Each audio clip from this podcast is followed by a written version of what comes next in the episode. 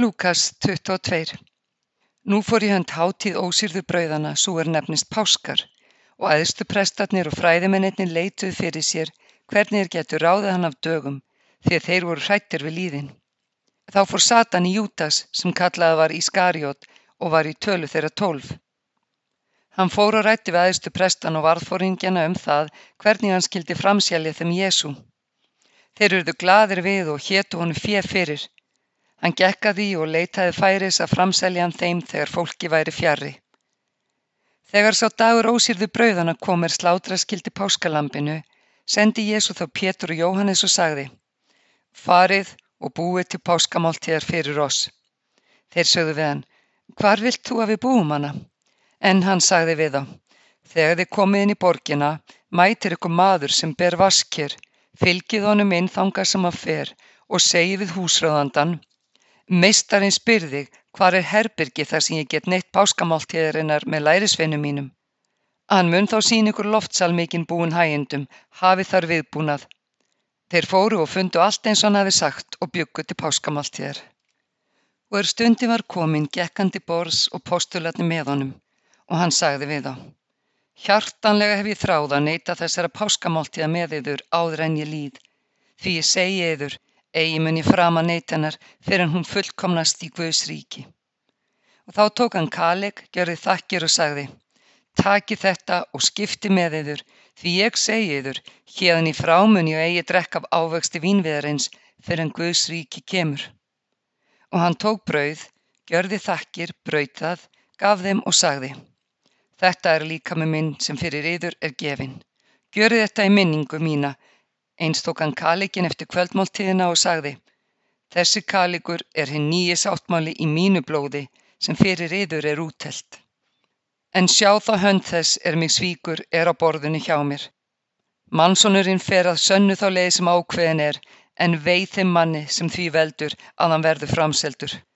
Og þeir tóku að spyrjast á um það hver þeirra myndi verða til þess að gjöra þetta og þeir fóru að metast um hver þeirra væri talin mestur. En Jésús sagði við þá, konungar þjóða drottna yfir þeim og valdhafar þeirra kallast velgjörðamenn, en eigi sé yður svo farið, heldur sé hinn mesti yðar á meðal sem væri hann yngstur og fóringin sem þjótt, því hvort er sá meiri sem situr til borðs eða hinn sem þjónar. Er það ekki sá sem situr til borðs? Samt er ég meðaliðar eins og þjóttnin. En þér eru þeir sem hafi verið stöðuði með mér í freystingum mínum og yður fæ ég ríki í hendur eins og faðir minn hefur fengið mér, að þér megið eta og drekka við borð mitt í ríki mínu, sitja í hásætum og dæma tólf ættkvíslir Ísraels. Símon, Símon, Satan krafðist yðar að sælda yður eins og kveiti, en ég hef beðið fyrir þér að trú þín þrjóti ekki og styrk þú bræðu þína þegar þú ert snúin við. En Símon sagði við hann, Herra, reyðubúin er ég að fylgja þér bæði fangelsi og dauða. Jesús mælti, ég segi þér Pétur, áður en hani galar í dag mun þú þrisvar hafa neitað því að þú þekkir mig. Og hann sagði við þá, þegar ég sendiður út án pingju og mals og skólösa, brastiður þá nokkuð? Þeir svöruðu, nei, ekkert. Þá sagði hann við þá, en nú skal sáir pingju hefur taka hana með sér eins og sáir mal hefur og hinn sem ekkert á selji yfirhöpp sína og kaupi sverð. Því ég segiður að þessi ritning á að rætast á mér. Með illvirkjum var hann talinn og nú er að fullast það sem um mig er ritað. En þeir sögðu, herra, hér eru tvö sverð og hann sagði við þá, það er nóg. Síðan fór hann út og gekk eins og hann var vanur til oljufjálsins og lærisveinarni fylgdónum. Þegar hann kom á staðinn sagði hann við þá, byggjið að þér fallið ekki í freystni og hann vek frá þeim svo sem steinsnar, fjall á kné, baðst fyrir og sagði Fadir, ef þú vilt, þá tak þennan kaleg frá mér, en verði þó ekki minn, heldur þinn vilji. Þá byrtist honum engill af himni sem styrti hann og hann komst í dauðans ángist og baðst enn ákafar fyrir en sveiti hans varð eins og blóðdrópar er fjallu á jörðina. Hann stóðu frá bænsinni kom til lærisveinana og fann þá sofandi örmagna af hrigð. Og hann sagði við þá, hví sofið þér, rísið upp og byggjið að þér fallið ekki í freystni. Meðan hann var enn að tala kom flokkur manna og fremstu fór einn hinn að tólf Júdas áður nefndur. Hann gekk að Jésu til að kissa hann. Jésús sagði við hann, Júdas, svíkur þú mannsónin með kossi? Þeir sem með honum voru sáu að hverju fór og sögðu, Herra, eigum ég ekki að bregða sverði? Og eitt er að hjóti þjóns aðstapressins og sneiða af honum hægra eirað. Þá sagði Jésu, hér skal staðar nema, og hann snart eirað og læknaðan. Þá sagði Jésu að aðstuprestana varðfóringi helgidómsins og öldungana sem komnir voru á móti honum. Eru þér að fara að mér með sverðum og baröflum eins og gegn ræningja? Daglega var ég með yfir í helgidóminum og þér lögðuð ekki á mig hendur. En þetta er yðartími og máttur myrkrana. En þeir tókan höndum og leittu brott og fóru með hann í hús aðesta pressins. Pétur fyldi eftir álengdar. Menn höfðu kveikt eld í miðjum garðinum og sátu við hann og Pétur settist meðal þeirra. En þerna nokkur sá hann sitja í bjarmanum, hvesti á hann augun og sagði Þessi maður var líka með honum. Því neitað hann og sagði Kona, ég þekk hann ekki. Litlu síðar sá hann annan maður og sagði, þú ert líka einn af þeim. En Pétur svaraði, nei maður minn, það er ég ekki. Og að liðinum það byrja einni stundu fullirti enn annar þetta og sagði, víst var þessi líka með honum, enda galilegu maður. Pétur mælti, ekki skilji hvað þú átt við maður. Og jafnskjótt sem hann sagði þetta, gól hani. Og drottin vek sér við og leiti Pétus Þá myndust Pétur orða drottins er hann mælti við hann. Áður en hani galar í dag, mynd þú þrísvar afneita mér. Og hann gekk út og grét beisklega. En þeir menn sem gættu Jésu hættu hann og börðu, huldu andlitans og sögðu, spáðu nú hverða var sem slóðig. Og marga aðra svífurðu sögðu þeir við hann. Þegar dagur hann kom öldungar að lýsin saman bæði aðstu prestar og fræðimenn og letu færan fyrir ráðsfund sinn.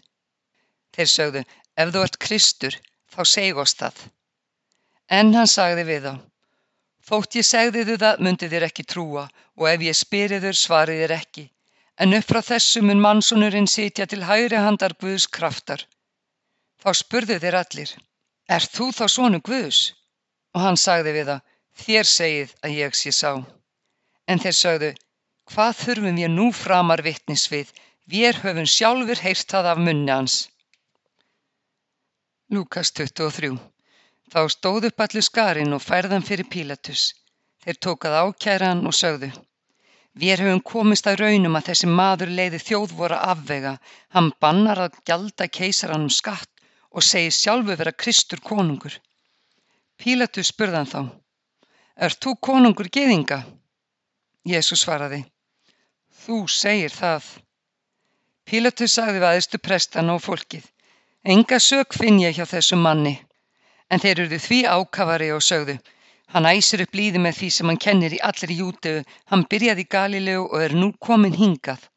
Þegar Pílatus heyrði þetta spurðan hvort maðurinn var í Galilegi og er á marðis vís að hann var úr umdæmi Herodisar, sendi hann hann til Herodisar er þá var og í Jérúsalim á þeim dögum. En Herodis var næsta gladur er hann sá Jésu því hann hefði lengi langað að sjá hann þar eð hann hafi heyrt frá honum sagt. Vænti hann nú að sjá hann gjöra eitthvað tákn. Hann spurði Jésu á marga vegu en hann svaraði hann um engu. Æðstu prestarnir og fræðimennirni stóðu þar og ákjærðu hann harðlega. En Herodes óvirti hann og spottaði á samt hermönu sínum, lagði yfir hann skínandi klæði og sendi hann aftur til Pílatusar. Á þeim degjuru þeir Herodes og Pílatus vinir, en áður var fjandskapur með þeim. Pílatus kallaði nú saman æðstu prestana, höfðingjana og fólkið og mælti við þá. Þér hafi fært mér þennan mann og sagt hann leiða fólkið afvega. Nú hef ég yfirhert mannin í yðar viðuvist en enga þá sökfundi hjá honum er þér ákerðan um. Ekki heldur Herodes því hann senda hann aftur til vor. Ljóst er að hann hefur ekkert að dríktir dauða sér verðt. Ætli ég því að hyrta hann og láta hann lausan. En skilt var honum að gefa þeim lausan eitt bandikja á hverri hátíð. En þeir æftu allir. Burt með hann, gef oss Barabbas lausan. En honum hafði verið varpað í fangilsi fyrir upplöp nokkurt sem varði í borginni og mandrap. Pílatus talaði enn til þeirra og vildi láta Jésu lausan, en þeir æftu á móti. Krossfestan, krossfestan. Í þriðasinn sagði Pílatus við þá. Hvað ílt hefur þá þessi maður gjört? Enga dauðasök hef ég fundi hjá honum. ætla ég því að hirta hann og láta hann lausan. En þeir sóttu á hann með ópi miklu og heimtuðu að nýrðu krossfestur og hróp þeirra tóku yfir. Það ákvað Pílatus að kröfu þeirra skildi fullnægt. Hann gaf lausan þannig þeir báðu um og varpað hafi verið í fangilsi fyrir upplausn og mandráp, en Jésu framseldi hann að þeir færu með hann sem þeir vildu. Þegar þeir leita nú tóku þeir Símon okkurt frá kýrinni er kom utan úr sveit og lögðu krossin á hann að hann bæri hann eftir Jésu. En honum fylgdi mikill fjöldi fólks og kvenna er hörmuðan og gretu. Jésús nýri sér að þeim og mælti, Jérúsalem dætur grátið ekki við mér, en grátiði við sjálfum yður og börnum yðar. Því þeir dagar koma er menn munu segja, sælar eru óbyrjur og þau móðulíf er aldrei fættu og þau brjóst sem enga nærðu. Og þá munu menn segja við fjöllin, hrinjið yfir oss og við hálsana hyljið oss. Því að sé þetta gjört við þið græna tríð hvað mun þá verðum þið vissna. Með honum voru og færði til líflátsadri tveir sem voru ílvirkjar og er þeir komið til þess staðar sem heitir hauskupa, krossfestu þeir hann þar og ílvirkjana, annan til hægri handar og hinn til vinstri. Þá sagði Jésu, Fadir, fyrirgef þeim því þeir vit ekki hvað þeir gjöra en þeir köstuðu hlutum um klæði hans og skiptu með sér. Fólki stóð og horfi á og höfðingjarnin gjörðu gísað honum og sögðu Öðrum bjargað hann, bjargi hann úr sjálfum sér ef hann er Kristur Guðusinn útvaldi. Eins hættu hann hermennir, komu og báru honum etik og sögðu Ef þú ert konungu í gýðinga þá bjargaðu sjálfum þér. Yfirskrift var yfir honum. Þessi er konungur gýðinga. Annar þeirra illvirkja sem uppi voru festir hætti hann og sagði Ert þú ekki Kristur, bjargaði sjálfum þér og okkur. En hinn ávítað hann og sagði Hræðist þú ekki eins og guð og ert þú undir sama dómi. Við erum það með réttu og fáum magleg gjöld fyrir gjörður okkar, en þessi hefur ekkert ílt aðhafst. Þá sagðan, Jésús minnst þú mín þegar þú kemur í ríkið þitt. Og Jésús sagði við hann, sannlega segi ég þér, Í dag skaltu vera með mér í paradís. Og nú var nær hádegi og myrkur varð um allt land til nóns, því sólinn misti byrtu sinnar, en forutjald musterisins ripnaði sundur í miðju. Þá kallaði Jésu hári röttu, Fadir í þínar hendur, fel ég anda minn. Og er hann hafði þetta mælt, gaf hann upp andan. Þegar hundrasöðingi sáða þeir viðbar, veksamaðan Guð og sagði, Sannarlega var þessi maður réttlátur og fólkið allt sem komið hafði saman að horfa á sá nú hvað hafði gjörst og barði sér á brjóst og hvar frá. En vinir hans allir sem og konurnar er fylgdónu frá Galilegu stóðu álengdar og horðu á þetta. Maðurinn nefndur Jósef, hann var ráðsera, góður maður og réttvís og hafði ekki samþygt ráð þeirra nýja aðtæfi. Hann var frá Arimatheu, borgi Júteu og vænti Guðs ríkis. Hann gekk til Pílatusar og bað hann um líkama Jésu, tók hann síðan ofan, sveipaði línklæði og lagði í gröf, högna í klett og hafði þar engin verið áður lagður. Það var aðfangadagur og kvíldadagurinn fór í hönd. Konur þær er komið hafðu með Jésu frá Galilegu, fyldu eftir og sáu gröfina og hvernig líkami hans var lagður. Þær snýru aftur og byggu ilmjörtur og smisl. Kvíldardaginn heldur þær kyrru fyrir samkvæmt bóðorðinu. Lúkas 24 En í afturhelding fyrsta dag vikunar komu þær til grafarinnar með ilsmislinn sem þær höfðu búið. Þær sáu þá að steininum hafi verið velt frá gröfinni og þegar þær stigu inn fundu þær ekki líkam á drottins Jésu. Þær skildu ekki dýðisu en þá brá svo við að hjá þeim stóðu tveir menn í leiftrandi klæðum. Þær urðu mjög hrættar og neyðu andli til jarðar. En þeir sögðu við þær Hví leitið þér hins lifanda meðal döðra? Hann er ekki hér, hann er upprisin. Minnist þess hvernig hann talaði við yður meðan hann var enn í Galilegu. Hann sagði að mannsonurinn skildi framseldur verða í hendur syndugra manna og krossfestur en rýsa upp á þriðja degi. Og þær myndust orða hans, snýru frá gröfunni og kunngerðu allt þetta þeim ellufu og öllum hinum. Þessar konu voru þær Marja Magdalena, Jóhanna og Marja móður Jakobs og hinar sem voru með þeim. Þær sögðu postulunum frá þessu en þeir töldu orðir að markleysu eina og trúðu þeim ekki. Pétur stóð þá upp og hljópti grafarinnar, skengtist inn og sá þar líklæðin einn. Fór hann heim síðan og undraðist það sem við hafði borið. Tveir þeirra fóru þann sama dag til Þorpsnokku sem er í um 60 skeiðurum frá Jérúsalem og heitir Emmaus. Þeir rættu sín á milli um allt þetta sem gerst hafði. Þá bar svo við er þeir voru að tala saman og ræða þetta að Jésús sjálfur nálgæðist þá og slóst í för með þeim, en augu þeirra voru svo haldin að þeir þekkt hann ekki. Og hann sagði við þá, hvað er það sem ræði svo mjög á göngu ykkar? Þeir námu staðar daprir í bragði og annar þeirra Kleofasa nafni sagði við hann, þú ert viss á eini aðkomum maður í Jérúsalem sem veist ekki hvað þar hefur gjöst þessa dagana. Hann spurði, hvað þá? Þeir svöruðu, þetta um Jésu frá Nasaret sem var spámaður, máttugur í verki og orði fyrir Guði og öllum líð, hvernig æðstu prestar og höfðingjar voru framseldandi dauðadóms og krossföstan. Við er vonuðum að væri sáur leysamundi Ísrael, en nú er þriði dagur síðan þetta bar við. Þá hafa á konu nokkrar úr vorum hóp gjört ás forviða, Þær fóru árla til grafarinnar en fundu ekki líkamanns og komu og sögðust enda hafa séð engla í sín er sögðan lifa. Nokkrir þeirra sem með oss voru fóru til grafarinnar og fundu allt eins og konurnar hefðu sagt en hann sáu þeir ekki. Þá sagði hann við þá, ó þér heimskir og treyir í hjarta til þess að trúa öllu því sem spámanirnir hafa talað. Átti ekki Kristur að líða þetta og ganga svo inn í dýrð sína og hann byrjaði á Móse og öllum spámönnunum og útlegði fyrir þeim það sem um hann erum í öllum reikningunum. Þeir nálguðust nú þorpi sem þeir ætluðu til en hann létt sem hann vildi halda lengra. Þeir lögðu þá fast á þann og sögðu, verdu hjá oss við að kvölda tekur og degi hallar og hann fór inn til að vera hjá þeim. Og svo bar við er hann sati bors með þeim að hann tók brauðið, þakkaði Guði, brauð það og fekk þeim.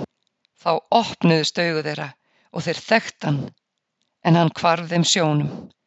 Og þeir sögðu hvor við annan, brann ekki hjartað í okkur meðan hann talaði við okkur á veginum og lauku fyrir okkur reikningunum. Þeir stóðu samstundis upp og fóru aftur til Jérúsalem. Þar fundu þeir þá ellif og þá er með þeim voru samankomna og sögðu þeir. Sannalega er drottin upp risin og hefur byst símóni.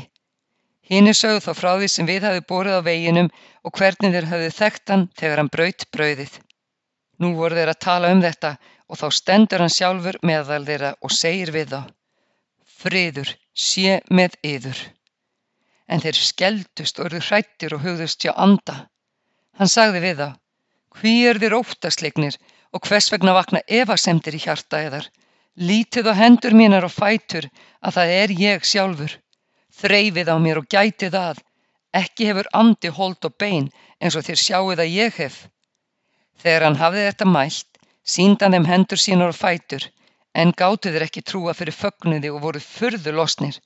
Þá sagði hann við þá, hafið þér hér nokkuð til matar? Þeir fengunum stikki af steiktum fiski og hann tók það og neytti þess frammi fyrir þeim. Og hann sagði við þá, Þessi er merking orða minna sem ég talaði við yður meðan ég enn var á meðalíðar að rætast ætti allt það sem um mig er ritað í lögmáli Móse, spámanunum og sálmunum. Síðan laukan upp huga þeirra að þeir skildu reikningarnar og hann sagði við þá. Svo er skrifað að Kristur eigi að líða og rýsa upp frá döðum á þriðja degi og að predika skuli í nafni hans öllum þjóðum yðrun til fyrirgefningar synda og byrja í Jérúsalem. Þér eruð vottar þessa. Sjá, ég sendi fyrir heitt föðu míns yfir yður, en verið hér kyrrir í borginni, unst þér íklæðis krafti frá hæðum. Síðan fóra með þá út í nánt við Betaníu, hófu pendur sínar og blessaði þá. En það varð meðan hann var að blessa þá að hann skildist frá þeim og var uppnuminn til heimins. En þeir fjallu fram og tilbáðan og snýru aftur til Jérúsalem með miklum fögnuði og þeir voru stöðugt í helgidóminum og lofuðu Guð.